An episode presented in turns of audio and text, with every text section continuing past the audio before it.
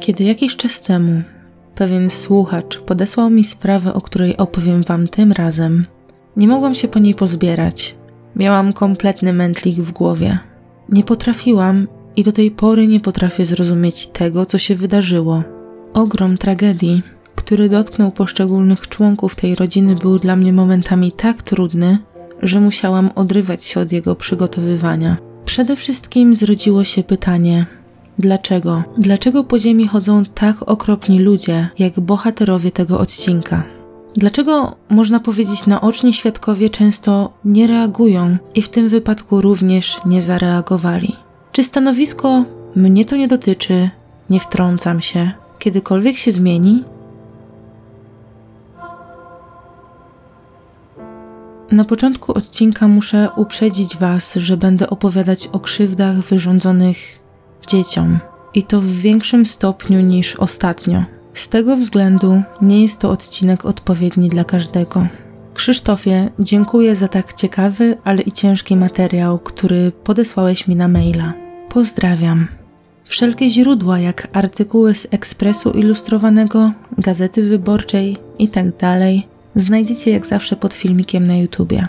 Przypominam, że profil podcastu znajdziecie też na Instagramie pod nazwą Straszydło Podkreśnik Podcast. Teraz usiądźcie sobie wygodnie, jeśli tylko możecie, bo historia wciska w fotel. Zapraszam do wysłuchania.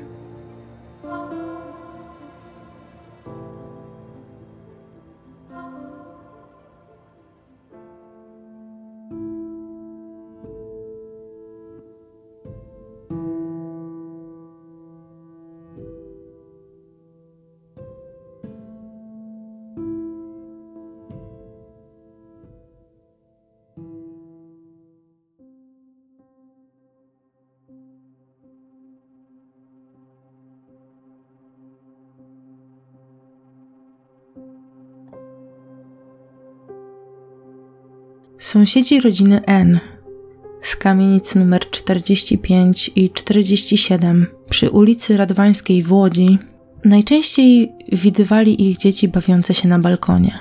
Nigdy nie wychodziły na podwórko, by spędzić trochę czasu z rówieśnikami. Później i te beztroskie chwile odeszły w niepamięć. Monikę widywano jedynie w towarzystwie rodziców, gdy szła pomóc im w dorywczej pracy, roznoszeniu ulotek, jej młodszych braci, Kamila i Adasia, długo nikt nie widział. To był początek lat dwutysięcznych. To w tym czasie Sejm przyjął ustawę powołującą stanowisko Rzecznika Praw Dziecka. Taki smutny paradoks. Dziś ulica Radwańska, czy raczej opinie o niej, są podzielone.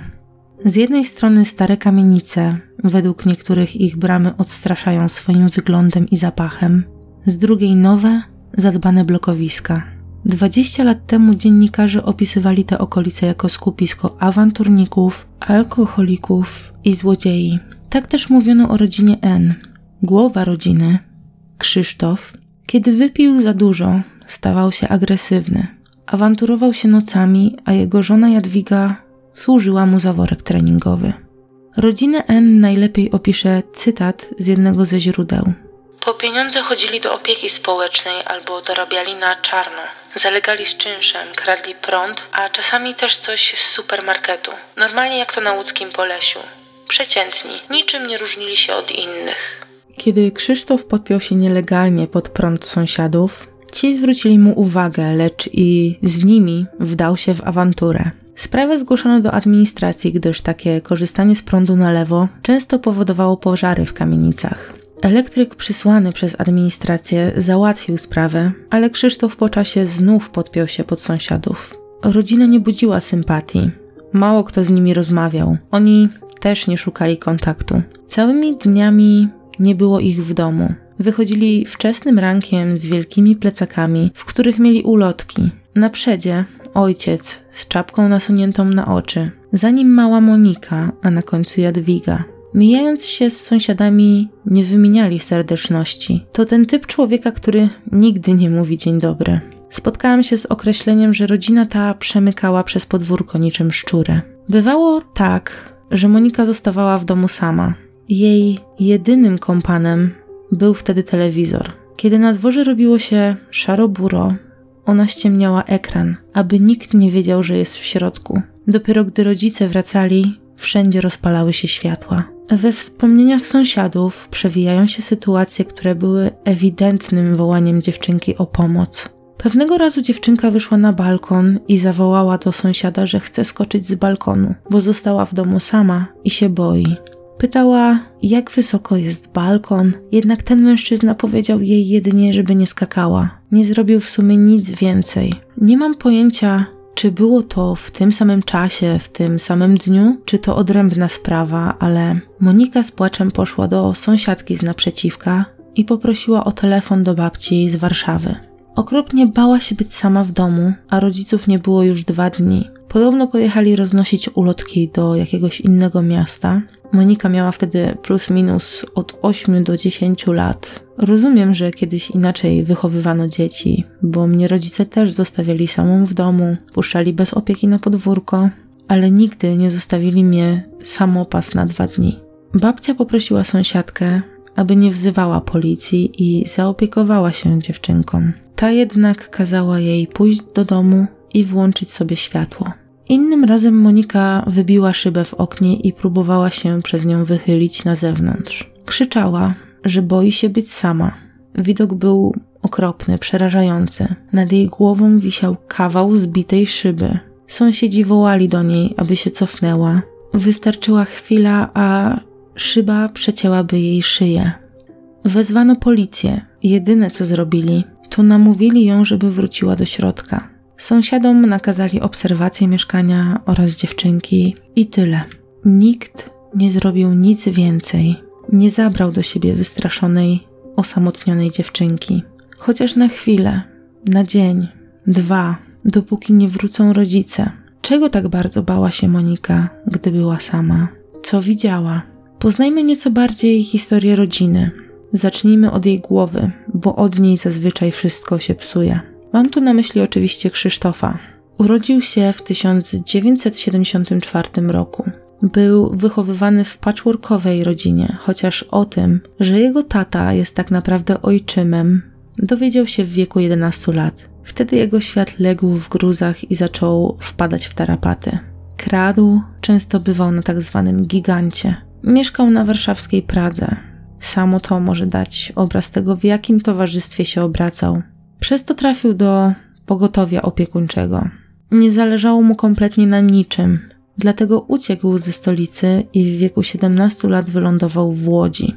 Zajął się sprzedażą kaset na rynku i właśnie tam, krótko po przeprowadzce, poznał Jadwigę. Ona również nie miała kolorowo. Pochodziła z wielodzietnej rodziny. Matka miała ich siedmioro, a ona urodziła się jako szóste dziecko. Z ojcem Jadwigi rozstała się, ponieważ był agresywny. Stosował wobec niej przemoc. Po rozwodzie poznała innego faceta, który był przeciwieństwem tego pierwszego.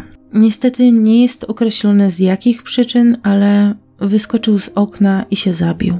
Matka Jadwigi była bardzo zaradną kobietą, ale przez to, że miała do utrzymania ośmioosobową rodzinę, potrafiła pracować na kilka etatów i nie miała za bardzo czasu dla dzieci. Pracowała w łódzkiej tkalni, a później sprzątała w akademiku. W 1990 roku, gdy Jadwiga poznała Krzysztofa, ona również pracowała w tkalni, tam gdzie jej matka. Wobec niej Krzysztof był bardzo szarmancki, ułożony i spokojny. Całkowite przeciwieństwo tego, o czym mówiłam przed chwilą. Kobieta szybko oddała mu serce i wszelkie wady, jak to przy zakochaniu, były dla niej niewidoczne. Jednak nie do końca. Wystarczyła odrobina alkoholu, a Krzysztof zmieniał się nie do poznania. Wtedy poniżał ją, bił i wyzywał. Pewnego razu matka Jadwigi była świadkiem sceny, w której to Krzysztof szarpał jej córkę. Doświadczona podobnym związkiem, próbowała przekonać się, aby zrezygnowała z dalszej znajomości. Niestety, nie dość, że Jadwiga była zakochana, to Krzysztof skutecznie nią manipulował. Kiedy po pół roku chciała od niego odejść, ten się pociął. Szantażował ją samobójstwem, więc postanowiła kontynuować ten związek. Mimo wielu interwencji policji, liczyła na to, że zmieni go i wyprowadzi na prostą. Chociaż jest to absurdalne, bo razem z nim mieszkała w pustostanie. Tułali się tak przez jakiś czas. Potem, po dwóch latach znajomości, przyszła na świat Monika, którą już poznaliście. W 1994 roku urodziły się bliźnięta Adaś oraz Kamil. Bliźniacy byli chorowitymi dziećmi. Często narzekali na ból brzucha. Możliwe, że mieli problemy z jelitami lub nerkami, bo mieli też problemy z moczeniem się. I wtedy, gdy dzieci się urodziły, to całą rodziną mieszkali już przy ulicy Radwańskiej. Wiemy już, jak wyglądało ich życie z zewnątrz, oczami obserwujących ich sąsiadów. Co w tym czasie działo się w środku, za grubymi murami. Ten obraz był jeszcze gorszy niż mogło się wydawać. Teraz opiszę wyjątkowo okropne sytuacje, które opowiadają o przemocy wobec Jadwigi oraz dzieci. Ponownie ostrzegam osoby wyjątkowo wrażliwe na takie tematy.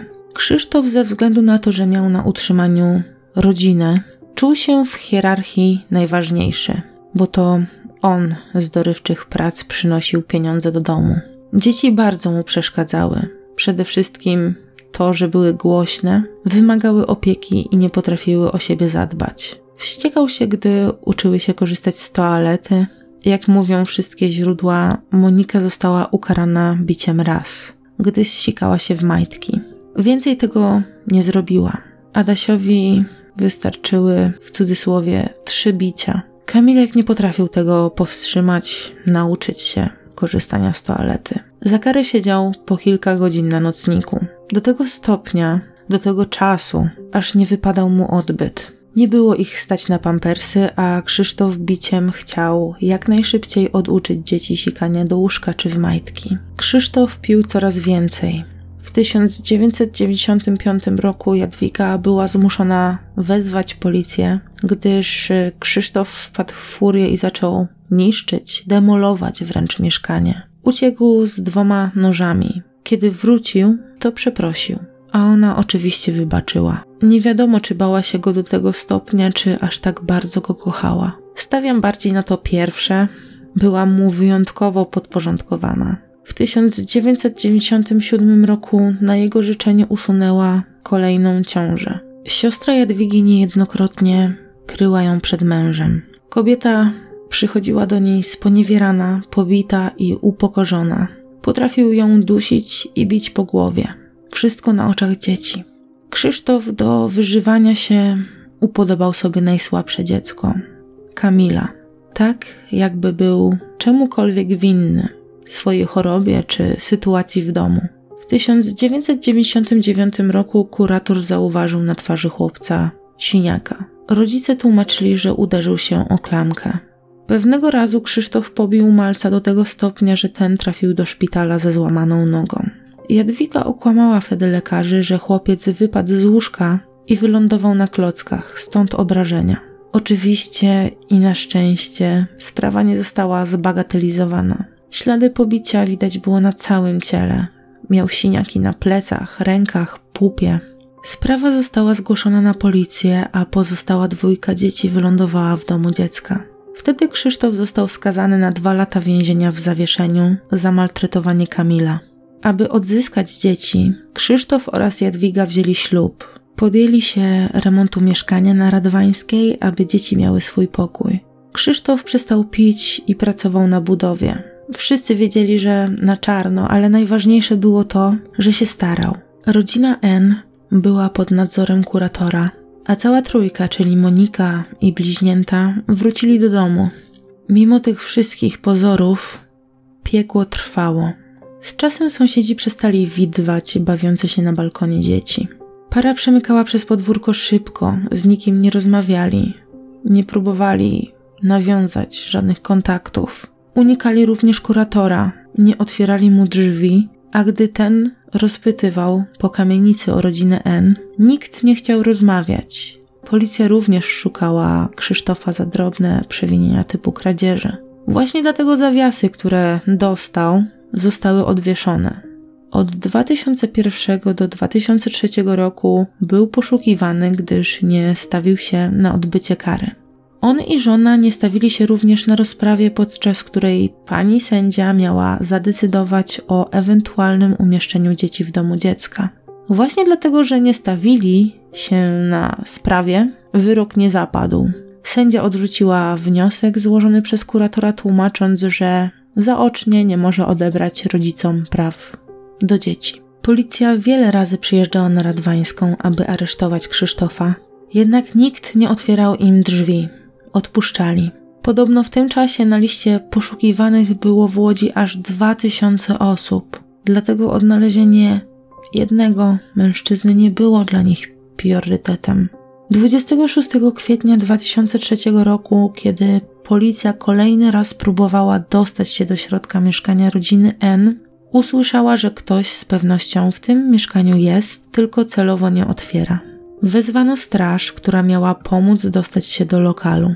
Weszli przez balkon, a w środku zastali Jadwigę, która była w tamtej chwili w ciąży. Widać było spory brzuszek, to był szósty miesiąc. Kobieta była w mieszkaniu sama. Zeznała, że jej dzieci są pod opieką rodziny, a męża po prostu nie ma i nie wie, gdzie jest. Nie uśpiło to jednak czujności funkcjonariuszy, którzy postanowili na wszelki wypadek przeszukać pomieszczenia. Wtedy właśnie odkryli coś, o czym mówiła później cała Polska. W szafie stały niebieskie beczki, które były starannie zamknięte, zaklejone, a dodatkowo obwiązane sznurkiem oraz metalową opaską, tak zwaną obejmą. Policjantom wydało się dziwne, że ktoś trzyma tak duże beczki w domu. Jadwiga spanikowała, zaczęła tłumaczyć, że tam trzymają brudne ubrania. Kiedy otwarto te nieszczęsne beczki, faktycznie w środku znajdowały się ciuchy, jednak odór, który wydostawał się z wnętrza, był niewyobrażalny. Pod stertą ubrań policjanci znaleźli czarne worki, z których wystawały blond włosy. W jednej znajdowało się ciało jednego z bliźniaków oraz noworodka. W kolejnej drugiego chłopca, a w ostatniej jeszcze jednego noworodka. To moje, miała powiedzieć Jadwiga. Wszedłem do ich mieszkania. W beczkach na wierzchu leżały brudne ubrania, ale zapach wskazywał, że jest coś jeszcze. Zobaczyłem włosy i główkę dziecka. Wyszedłem stamtąd oblany zimnym potem. Wspomina jeden z sąsiadów, który był obecny przy przeszukaniu. Tego samego dnia wieczorem beczki wylądowały w zakładzie medycyny sądowej, gdzie biegli mieli ustalić przyczyny zgonów czwórki dzieci. W tym czasie trwały poszukiwania Krzysztofa, który zapadł się pod ziemię, a razem z nim 11-letnia Monika. Kiedy policja pojawiła się w sobotę pod jego domem, Jadwiga zadzwoniła do niego i ostrzegła, aby nie wracał do domu. Przejeżdżając koło Radwańskiej autobusem, Krzysztof wraz z córką widzieli zamieszanie pod ich kamienicą oraz światła syren. Zatrzymano go dopiero dzień później, w nocy, w parku Poniatowskiego, niecały kilometr od mieszkania. Wpadł, gdyż chciał wrócić do kamienicy po rzeczy dla Moniki. Nie miał już pieniędzy, sprzedał telefon, aby kupić im coś do jedzenia. Monika była przerażona i wyczerpana. Nie miała pojęcia, co się dzieje i dlaczego kolejny raz zostaje rozdzielona z rodzicami, czego okropnie się bała, gdyż ojciec ciągle straszył ją, że wróci do domu dziecka. Po aresztowaniu doszło do przesłuchań, aż ciężko uwierzyć, że ta smutna historia wydarzyła się naprawdę. Gdzieś za ścianą wódzkiej kamienicy. Cztery lata przed odkryciem zwłok w beczkach Jadwiga była w kolejnej ciąży. Prawdopodobnie w czwartej. Pierwsza urodziła się Monika, kolejni byli bliźniacy, a trzecią ciążę usunęła na prośbę męża. Chłopcy, jak już wspominałam, chorowali. Często skarżyli się na ból brzucha. Czasem, aby nie płakali, dostawali czekoladę. Jakby to był złoty lek na ich dolegliwości. W wakacje 99 roku chłopcy mieli 5 lat. Kamil przez kilka dni ciężko znosił ból brzucha, sygnalizował to rodzicom, a ci właściwie nie zrobili z tym nic. Kiedy Monika obudziła ich w nocy, Krzysztof podał Malcowi leki przeciwbólowe, nakarmił czekoladą, a nad ranem Kamilek już nie żył. To jest dla mnie naprawdę niewyobrażalne. Zamiast pomóc temu dziecku, rodzice dali mu umierać w potwornych cierpieniach. Mało tego, po pierwsze, po drugie, mm, nikt przy nim nie był, kiedy umierał. I mało tego, jego śmierci nigdzie nie zgłosili, a ciało Malca przeleżało trzy dni w łóżeczku. Trzy dni cała rodzina funkcjonowała jak gdyby nigdy nic, a wszystko to obserwowało jego rodzeństwo. Bawili się, spali, przy nieżyjącym już Kamilu. Dopiero kiedy doszło do rozkładu, Krzysztof podjął dwie decyzje. Pierwsza to wsadzenie Kamila do beczki, którą trzymał w piwnicy. Później poszedł na targ, gdzie kupił rylanium i podał je całej rodzinie. Postanowił, że umrą wszyscy. Wybrał najłatwiejszy sposób. Mieli usnąć i się nie obudzić. Tak się jednak nie stało. Jedynym, który nie odzyskał przytomności, był kolejny z bliźniaków Adaś. Aby upewnić się, że chłopiec nie żyje, Krzysztof podtopił go w wannie pełnej wody i obserwował, czy na powierzchni pojawiają się bąbelki. Adam wylądował w kolejnej beczce, tuż obok swojego brata. Jeśli myślicie, że pomysł z samobójstwem był wynikiem wyrzutów sumienia i jest wam chociaż trochę żal zarówno Krzysztofa, jak i Jadwigi, to powody były bardziej egoistyczne. Mąż bał się, że odwieszą mu karę i pójdzie do więzienia. Zeznała Jadwiga. Ja nie chciałam umierać. Nie chciałam też śmierci Adama i Moniki, ale on kupił na targowisku relanium i podał tabletki wszystkim. To jednak nie był koniec. Kobieta zaszła jeszcze trzy kolejne ciąże, z czego dwójka również została zabita. W 2000 roku urodziła się Karolina. Ją również miał utopić. W 2001 roku urodził się Maciek. Według źródeł Jadwiga zaczęła rodzić w nocy. Całkowicie niespodziewanie. Bardzo mocno krwawiła i prosiła męża, aby wezwał karetkę. Nie zrobił tego. Sam przyjął poród, odciął pępowinę. Podobno chłopiec nie płakał. Zarówno Jadwiga, jak i Krzysztof stwierdzili, że dziecko nie żyje, bo nie krzyczało, nie płakało po klepnięciu w pupę. Maciek nie miał też odruchu ssania. Od razu trafił do beczki. Krzysztof był tak pijany, że nie pamięta tego, co stało się z chłopcem. Według akt, jedno z dzieci zostało uduszone kłębkiem waty, a drugie udusiło się w foliowym worku. Sąsiadom mówili, że dzieci trafiły do domu dziecka. Kuratorowi, że chłopcy są urodziny. Najczęściej unikali kontaktu z innymi po to, aby nikt nie odkrył ich tajemnicy.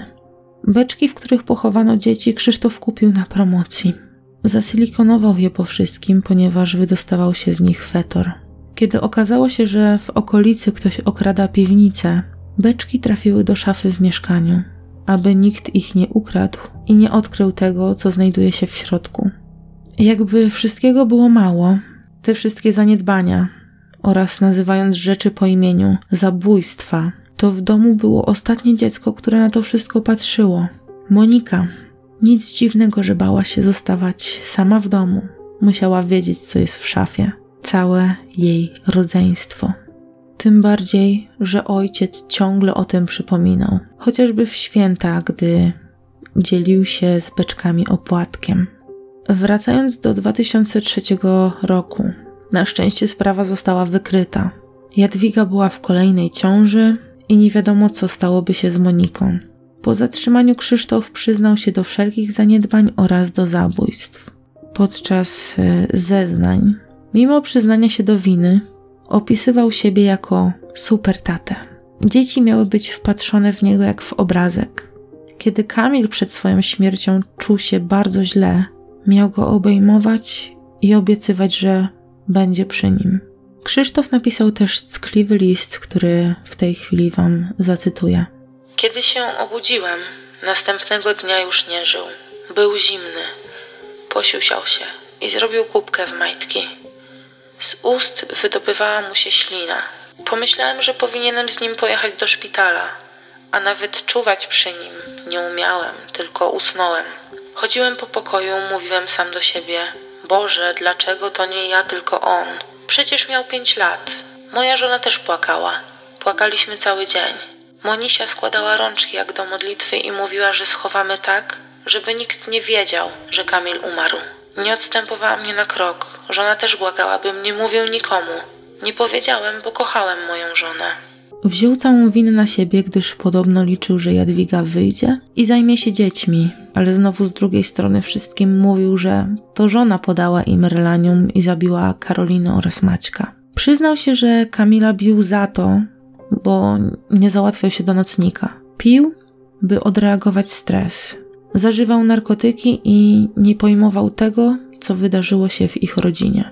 Kiedy zmarły bliźnięta, oni żyli z dnia na dzień, nie robiąc żadnych planów na przyszłość. Wiedzieli, że w każdej chwili mogą stracić wszystko, co mają. Jadwiga natomiast umyła ręce od wszystkiego. Stwierdziła, że jej jedynym zaniedbaniem było to, że nie zgłosiła sama tego, co dzieje się w ich mieszkaniu za zamkniętymi drzwiami. Podobno chciała uciec z córką, gdy była w ciąży, ale nie zdążyła. Chciała prosić o pomoc w domu samotnej matki. Rozumiem, że chodziło o ostatnią ciążę, tylko co z poprzednimi? Dlaczego dopiero po stracie czwórki dzieci chciała odejść? Kiedy została zatrzymana, była w szóstym miesiącu. Kolejną córkę, Sandrę, urodziła w zakładzie karnym w Grudziądzu. Wyrażała chęci do opieki zarówno nad nią, jak i nad Moniką. Podobno bardzo za nią tęskniła i pisała do niej listy. Listy pisała również do prokuratury. Liczyła na uniewinnienie lub wyrok w zawieszeniu. Twierdziła, że jej udział został wyolbrzymiony, miała być szykanowana, obrażana oraz grożono jej. Specjaliści badali poczytalność małżeństwa, mieli orzec, czy byli poczytalni. Według nich Jadwiga była zaburzona i niedojrzała emocjonalnie. Miała być bierna w swoich czynach i podporządkowana mężowi. On natomiast miał być pochopny w działaniach, posiadać osobowość nieprawidłową oraz stawać się agresywny w sytuacjach konfliktowych. Dodatkowo nie posiadał zdolności do refleksji. Nawet mnie, policyjnemu psychologowi, który niejedno już w życiu widział, trudno w to uwierzyć, żeby zwłoki dzieci przechowywać w mieszkaniu, w którym na co dzień prowadzi się normalne życie? Takie postępowanie może świadczyć o zaburzeniach w sferze osobowości i psychiki, lub nawet o psychozie. Ci ludzie mieli bardzo trudne dzieciństwo. Być może właśnie dlatego ich życie emocjonalne uległo wypaczeniu. Staramy się wyjaśnić, co było tego przyczyną. Badamy też rodzaj relacji między małżonkami.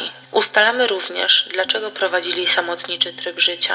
Powiedział jeden z biegłych. Jadwiga oraz Krzysztof siedzieli na sali sądowej w szklanej klatce. Klatce dla najniebezpieczniejszych przestępców, ale tylko dlatego, że obawiano się reakcji zgromadzonych. Bano się samosądu. Krzysztof podczas y, rozprawy siedział ze spuszczoną głową i próbował ukryć się przed wzrokiem innych. Jadwiga podobno siedziała z nosem zadartym do góry, jakby była bardzo pewna siebie.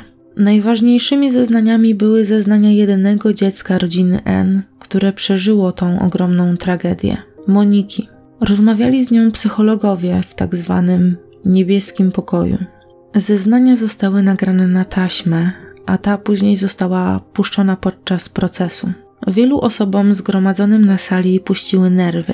Ludzie płakali, niektórzy aż szlochali. Psychologowie orzekli, że Monika była czy jest poprawnie rozwinięta intelektualnie, a jej zeznania były bez wątpienia nie do podważenia, dokładniej, że nie miała tendencji do zmyślania jak niektóre dzieci w jej wieku. Była jednak wycofana ze względu na to, że była wychowywana w odosobnieniu od rówieśników i w sumie w ogóle od ludzi.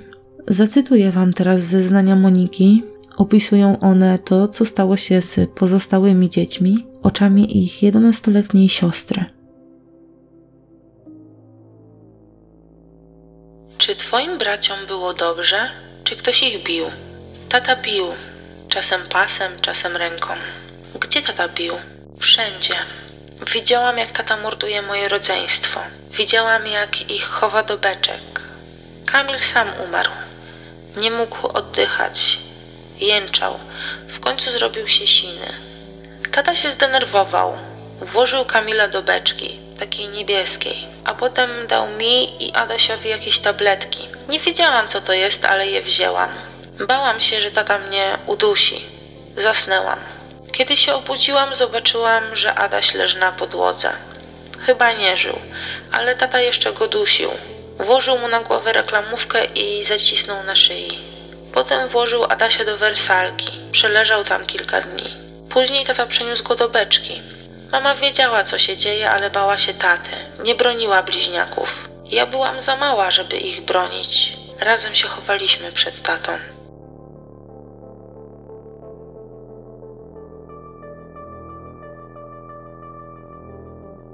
Monika wiedziała, co znajduje się w szafie w ich domu. Często śniły jej się koszmary. Jak zeznała, raz próbowała wyskoczyć przez balkon. Często, gdy była sama, wołała o pomoc, ale nikt nie chciał jej pomóc. Krzysztof przyznał się do nieumyślnego spowodowania śmierci Kamila, mimo że wcześniej przyznawał się do wszystkich tych przestępstw, ale zapewne jego obrońcy ustalili taką linię obrony. A za resztę nie chciał wziąć odpowiedzialności, natomiast, e, tak jak mówiłam, Jadwiga nie przyznawała się do niczego. Zacytuję wam jej wypowiedź. Ja nie zrobiłam tych morderstw. Ja robiłam to, co mi kazał. Kamil zmarł sam. Dostał gorączkę, dałam mu czopek, a rano nie żył. Mąż postanowił zabić nas i pozostałe dzieci. Nie chciałam popełniać samobójstwa. Mąż uderzył mnie i kazał wziąć tabletki. Adaś się nie obudził. Trzy dni później mąż włożył go do beczki. Karolinę urodziłam w domu, żyła około trzech dni. Mąż postanowił ją umyć i jak wrócił z łazienki, to nie żyła. Potem włożył jej zwłoki do beczki, w której był jeden z chłopców. Maciej po urodzeniu nie płakał. Dziecko nie miało odruchu ssania. Mąż sprawdzał, czy bije mu serce. Wreszcie ubrał je i pochował w beczce.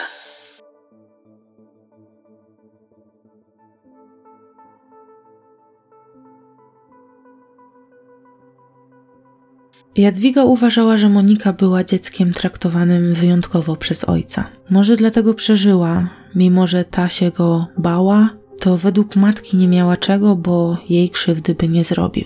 Sąd stwierdził, że Jadwiga miała wiele okazji do zgłoszenia sprawy na policję, jednak żadnej z nich nie wykorzystała. Uznano ją za współwinną. Próba usprawiedliwienia swojej bezczynności w imię deklarowanej miłości do Moniki nie znajduje w ocenie sądu żadnej akceptacji. Padło na sali rozpraw. Cała Polska liczyła, że małżeństwo N zostanie skazane na dożywocie i tak się stało. W czerwcu 2004 roku sąd okręgowy skazał zarówno Jadwigę, jak i Krzysztofa na dożywocie za zamordowanie czwórki dzieci i usiłowanie zabójstwa Moniki. Od tego wyroku obrońcy się odwoływali. Próbowali udowodnić, że jedno z dzieci urodziło się już martwe. Adwokatowi Jadwigi udało się wywalczyć dla niej niższy wyrok. Adwokat ten bronił m.in. gangsterów z łódzkiej ośmiornicy. Łódzki sąd apelacyjny zmniejszył jej karę na 25 lat więzienia. Krzysztof kolejny raz usłyszał dożywocie z możliwością ubiegania się o przedterminowe zwolnienie dopiero po 35 latach. Każda matka ma obowiązek chronić swoje dzieci, bo takie jest prawo natury, powiedział sędzia Lech Paprzycki, orzekając wyrok. N zostali też oskarżeni przez prokuraturę o oszustwa finansowe. Mieli oni pobierać pieniądze za na nieżyjące dzieci. Oszukali MOPS oraz ZUS.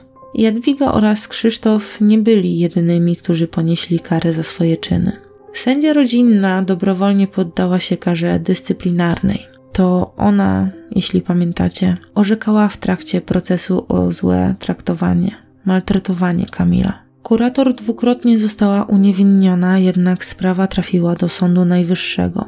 Mm, mimo tego, że rodzina N przez lata miała być pod opieką, to dzieci nie chodziły do szkoły i często nie było ich podczas wizyt, co już powinno wzbudzić podejrzenia. Przez cztery lata kurator nie zainteresował się, gdzie są chłopcy, nie doprowadził do sytuacji, w której rodzice musieliby ich okazać, a ich nieobecność przez te wszystkie lata nie wzbudziła szczególnego zainteresowania.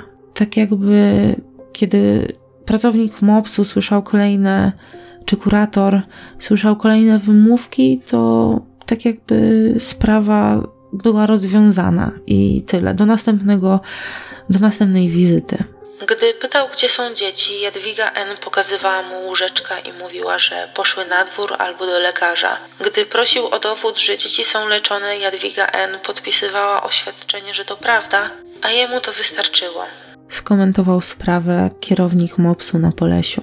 Wiele instytucji zwalało winę na kolejne, które zawiodły, a same próbowały tak jakby odsunąć od siebie wszelkie oskarżenia. Dyrektor ze szkoły, do której chodzić powinna Monika, nie widział żadnych powodów do oskarżeń, gdyż dziewczynkę podobno przepisano do szkoły w Warszawie. Na początku lat 2000 w Łodzi aż tysiąc dzieci nie chodziło do szkoły. Rodziców takich dzieci można było ukarać jedynie karą finansową, w której, której wielu i tak nie płaciło. Policja, której zgłoszono, że bliźnięta nie zostały do szkoły nawet zapisane, miała odnotowane tylko dwie próby dostarczenia wezwania. I na tych dwóch próbach się skończyło. Jak wyważymy drzwi, to potem ktoś musi mieszkanie zabezpieczyć. Kiedyś robiły to administracje nieruchomości. Dziś, jak mieszkanie zostanie na chwilę otwarte, to aresztowany zaraz twierdzi, że został okradziony. Występuje o odszkodowanie i policja musi płacić. Więc odchodzimy grzecznie z kwitkiem. A jak już trzeba wejść, to się wzywa straż pożarną i idzie przez okno. Mówił jeden z policjantów. To właśnie dlatego makabryczna zbrodnia z kamienicy przy ulicy Radwańskiej była przez tyle lat nieodkryta. To dlatego ginęły kolejne dzieci. Nie wiem, kto jeszcze oprócz sędzi oraz kuratora został ukarany lub chociaż postawiony przed sądem, ale wydaje mi się, że ktokolwiek by to nie był, kara nie będzie adekwatna do tego, że życie straciła aż czwórka dzieci. Jadwiga w więzieniu rozwiodła się z mężem oraz zmieniła nazwisko. Mury więzienia opuści jeszcze przed 2030 rokiem, o ile już się o to nie stara lub ich nie opuściła. Nie mam pojęcia, jak brzmiał dokładnie jej wyrok oprócz tych 25 lat. Na sam koniec taki mały pozytyw w obliczu tej tragedii. Monika przez jakiś czas znajdowała się w rodzinie zastępczej, jednak zarówno ona, jak i jej siostra zostały adoptowane, co ciekawe, przez tych samych ludzi. Zdecydowano się na adopcję zagraniczną, ponieważ historia dziewczynek była w Polsce znana. Chciano, e, aby te wychowywały się w miejscu, które oszczędzi im kolejnych przykrości z tego powodu. Para Włochów, Camillo oraz Paula, przylecieli do Polski, aby poznać w tamtym momencie dwunastoletnią Monikę oraz półtora roczną Sandrę. Monika od razu ich polubiła, spędzili ze sobą cztery dni i to właśnie wtedy zdecydowali się złożyć papiery. Monika była w tym czasie w ochronce bałuckiej sióstr Salezjanek, cytując jedną z jej opiekunek. Urzekła mnie tym, że zawsze zadawała przemyślane pytania. Gdy usłyszała, że ma zostać adoptowana przez rodzinę z zagranicy, zapytała, czy musi się na to zgodzić i poprosiła o czas do namysłu.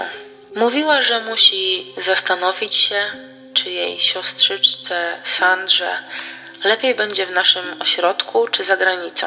Ostateczną decyzję o wyjeździe do Włoch Monika podjęła dopiero po pierwszym spotkaniu z małżeństwem B w Łodzi. W liście, który dostałam od niej kilka dni temu, napisała: Jestem szczęśliwa. Monika poleciała do Włoch na trzy tygodnie, aby poznać nowe otoczenie. Była zachwycona. Camillo i Paula dla dziewczynek zaczęli uczyć się polskiego. Z Moniką rozmawiali na początku po angielsku. Cały proces adopcyjny trwał 4 miesiące. Wtedy Monika oraz Sandra wyleciały do Włoch, aby prowadzić nowe, szczęśliwe życie. Ich nowi rodzice nie mieli własnych dzieci. Oboje byli w tamtej chwili po czterdziestce. Ona z zawodu nauczycielka, on architekt. Ich e, dom liczył 10 pokoi, miał basen i plac zabaw. Rodzina, która mieszkała w bliskim otoczeniu pary Włochów, szybko zaakceptowała dziewczynki. Zostały przyjęte bardzo ciepło i zyskały nowych krewnych, kuzynów w ich wieku, przy których mogły poprawnie się rozwijać. Paula porzuciła pracę, aby opiekować się dziećmi. Monika chodziła do szkoły prowadzonej przez siostry zakonne. W szkole tej były inne dzieci, które mówiły po polsku. Włoscy rodzice zaznaczyli, że nigdy nie będą utrudniali kontaktu dziewczynek z ich biologiczną rodziną. Oczywiście, jeśli tylko te będą tego chciały. Do ukończenia 18 roku życia przez każdą z nich Jadwiga oraz Krzysztof i tak nie mogli się z nimi kontaktować. Monika długo mówiła, że kiedy mama wyjdzie z więzienia, to z nią zamieszka. Nie obwiniała jej o to, co się stało. Moja mama była dobra, tylko tak się stało, bo nie mieliśmy pieniędzy. Mówiła często. Dziś Monika żyje gdzieś, może w Europie, może gdzieś indziej na świecie. Niedługo skończy 30 lat, albo już skończyła Sandra powoli wchodzi w dorosłość i staje się pełnoletnia. Czy chcą kontaktu z biologicznymi rodzicami? Nie wiem. Sandra może znać historię jedynie z opowieści. Monika zapewne pamięta to, co się wydarzyło. Może odbija się to na jej życiu. Mam tylko nadzieję, że obie są w tej chwili szczęśliwe i żyją życiem takim, jakim chciałyby żyć. Dziękuję Wam za wysłuchanie kolejnego odcinka. Zachęcam Was do zasubskrybowania mojego profilu, gdziekolwiek mnie słuchacie, aby nie pominąć kolejnych odcinków. Jeśli macie propozycję, jaką historię, jaką sprawę chcielibyście usłyszeć na moim kanale, napiszcie mi o tym w komentarzu. A dla tych, którzy wyrażają chęci wsparcia mojej twórczości, um, no bo do tej pory nie było takiej możliwości, to teraz w opisie dodaję link do PayPala, gdzie możecie przesłać symboliczną złotówkę na rozwój kanału, materiały i tak. Naprawdę to mogą być nawet drobne kwoty, które i tak zawsze pójdą na coś, co jest potrzebne do przygotowywania kolejnych odcinków i rozwijania się. Za Waszą pomoc serdecznie dziękuję. Zdjęcie do sprawy, jak zawsze, znajdziecie na Instagramie. Do usłyszenia w kolejnym odcinku. Trzymajcie się.